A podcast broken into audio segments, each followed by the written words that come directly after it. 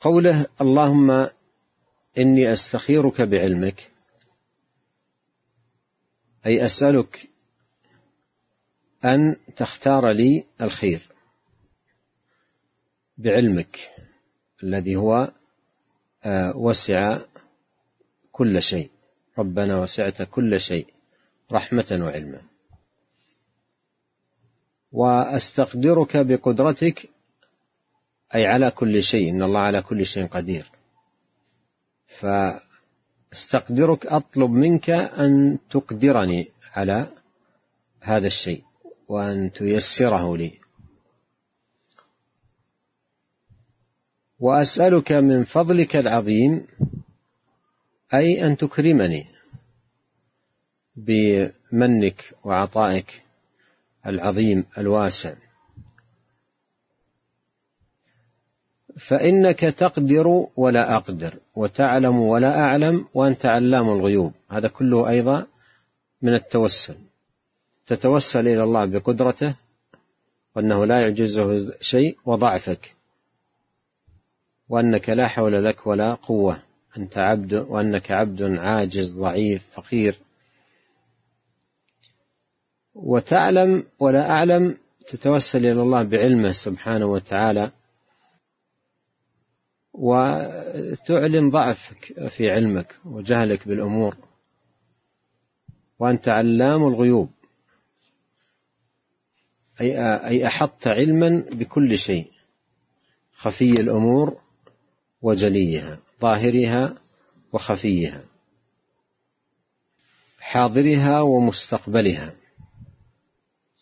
اللهم إن كنت تعلم أن هذا الأمر في الدعاء لا تقول هذا الأمر وإنما تنص على حاجتك. تقول اللهم إن كنت تعلم أن في سفري هذا خير لي إن كان سفرا. أو تقول اللهم إن كنت تعلم أن في تجارتي هذه خير لي إن كانت تجارة. اللهم إن كنت تعلم أن في زواجي هذا إن كان زواجا. هذا المقصود بيسمي حاجته. وقوله إن كنت تعلم الله علم محيط بكل شيء لكن أنت في الدعاء تتحدث عن عدم علمك أنت بالعاقبة. خير لي في ديني ومعاشي وعاقبة أمري. هذا يذكرنا بالدعاء الذي في صحيح مسلم. اللهم أصلح لي ديني الذي هو عصمة أمري. واصلح لي دنياي التي فيها معاشي واصلح لي آخرتي التي فيها معادي. هذه الثلاث الأمور التي يطلب العبد صلاحها. فذكرت هنا ديني ومعاشي وعاقبة أمري. ذكرت هذه الثلاثة التي يطلب و نعم يطلب صلاحها أو يطلب العبد صلاحها صلاحها. وقدم الدين هنا خير لي في ديني مثل ما قدم في الدعاء الذي شرت له اللهم أصلح لي ديني. فالدين هو المقدم وصلاح الدين هو المطلب الأول في حياة المسلم. لأن إذا اختل الدين اختل كل ما بعده والعياذ بالله. وأصبح أمر الإنسان فرطا. ولا تطع من أغفلنا قلبه عن ذكرنا واتبع هواه وكان أمره فرطا يضيع كل شيء بضياع الدين. قوله أو قال عاجل أمري وآجله. هذا شك من الراوي. النبي عليه الصلاة والسلام ما قال هذا كله. لكن شك الراوي. هل قال خير لي في ديني ومعاشي وعاقبة أمري أو قال عاجل أمري وآجله؟ وكثير من الناس يخطي في هذا الموضع. يقرأه هكذا في أو يحذف بعضهم أو يقول خير لي في ديني ومعاشي وعاقبة أمري وعاجل أمري وآجله وهذا خطأ. وبعضهم يقرأه هكذا كما هو مكتوب. خير لي في ديني ومعاشي وعاقبة أمري أو قال عاجل أمري وآجل هذا خطأ. هذا شك من الراوي هل قال هذا أو هذا؟ فالذي يقال واحد منهما ليس معا. النبي صلى الله عليه وسلم ما قال هذا كله. فيقال واحد منهما هل يقال الأول أو الثاني؟ هل يقال خير لي في ديني ومعاشي وعاقبة أمري؟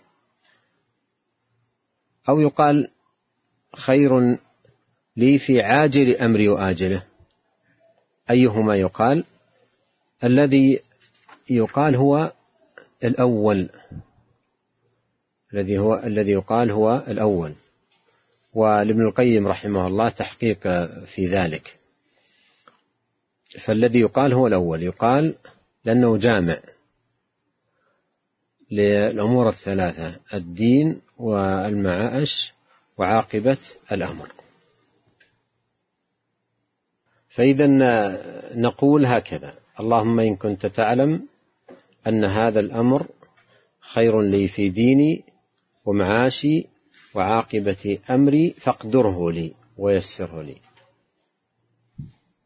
مرة ثانية في الاستخارة نقول اللهم إن كنت تعلم ما نقول أن هذا الأمر اللهم إن كنت تعلم أن في سفري مثلا آه، خير لي في ديني ومعاشي وعاقبة أمري فاقدره لي ويسره لي. أي آه، اجعله لي أمرا ميسرا. واكتب لي, اكتب لي فيه اليسر والخير. ثم بارك لي فيه. البركة هي الدوام ومضاعفة الخير ونماءه. وإن كنت تعلم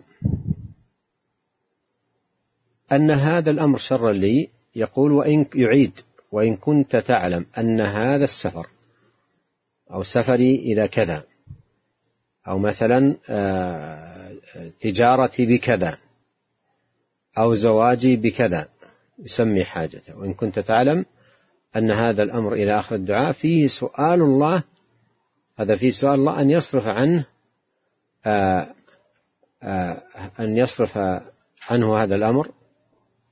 وأن يباعد بينه وبينه فاصرفه عني واصرفني عنه.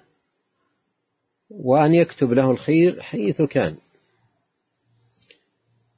وأن يرزقه الرضا بما قسم الله سبحانه وتعالى. أنبه في ختام الكلام على هذا الحديث إلى أن الأولى أن يحفظ غيب. وإذا عرضت لك حاجة وأنت لا تحفظ الدعاء لا تترك الاستخارة لكونك لا تحفظ. كان عندك مكتوبا في كتاب اقرأه من الكتاب. اقرأه من الكتاب. ولا حرج في في في ذلك. إلى أن تحفظه. لا تجعل هذا مسلكا لك لكنه إذا عرضت لك حاجة فلا تترك الاستخارة بحجة أنك لا تحفظ الاستخارة. خذ كتابا فيه الاستخارة واستخر وادعو الله عز وجل من خلال الكتاب الذي بيدك وأنت تستخير. قال المصنف حفظه الله أذكار الكرب والغم والهم والحزن. والحزن. عن ابن عباس رضي الله عنهما أن رسول الله صلى الله عليه وسلم كان يقول عند الكرب لا إله إلا الله العلي لا إله إلا الله العظيم الحليم لا إله إلا الله رب العرش الكريم لا رب العرش العظيم لا إله إلا الله رب السماوات ورب الأرض ورب العرش الكريم. الكرب هو الشدة والألم الذي يجده الإنسان بسبب ما يحل به من مصائب أو نوازل أو هموم تكدر صفو الإنسان وتدخل عليه غما أو حزنا أو أرقا أو ألما. يقال مكروب أو عنده كرب أو أصابه كرب أو في كرب. وخير ما يعالج به الإنسان الكرب توحيد الله عز وجل. ولهذا جميع الأدعية التي ورد فيها أدعية يتعلق بالكرب كلها قائمة على التوحيد. وهذا في حكمة أن أن الإنسان إذا انشغل قلبه بالكرب يعيده إلى الانشغال بما خلق له وهو التوحيد. يقول لا إله إلا الله هذه التي خلق لأجلها. أما العوارض أمرها سهل.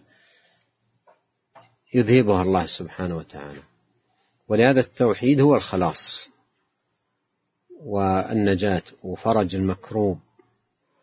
وصلاح القلوب. وحديث ابن عباس هذا حديث عظيم جدا. قال قال رسول الله صلى الله عليه وسلم قال كان رسول الله صلى الله عليه وسلم يقول عند الكرب لا إله إلا الله العظيم الحليم. لا إله إلا الله رب العرش العظيم لا إله إلا الله رب السماوات ورب الأرض ورب العرش الكريم. تكرار لكلمة التوحيد لا إله إلا الله مع التعظيم لله وذكر صفاته وعظمته سبحانه وربوبيته وخلقه للمخلوقات ونص على المخلوقات العظيمة. العرش العظيم السماوات الأرض هذه المخلوقات العظيمة. ولما تقول آه هذا الدعاء في الكرب لا إله إلا الله العظيم الحليم لا إله إلا الله رب العرش العظيم لا إله إلا الله رب السماوات ورب الأرض ورب العرش الكريم ليس قول مجرد تقوله وإنما قول آه، تأتي به تشغل قلبك عن العارض الذي أغمك بأهم مطلب وهو المطلب الذي خلقت لأجله وهو توحيد الله سبحانه وتعالى. وعظمة الله وجلاله وكماله وخلقه لهذه المخلوقات العظيمة فينشغل القلب عن الكرب العارض إلى إلى أعظم المطالب فيسلو وتطيب حاله ويطمئن بذكر الله. الذين آمنوا وتطمئن قلوبهم بذكر الله. ألا بذكر الله تطمئن القلوب. قال وعنه رضي الله عنه قال حسبنا الله ونعم الوكيل. قالها إبراهيم عليه السلام حين ألقي في النار. وقالها محمد صلى الله عليه وسلم حين قالوا إن الناس قد جمعوا لكم فاخشوهم فزادهم إيمانا وقالوا حسبنا الله ونعم الوكيل. حسبنا الله ونعم الوكيل.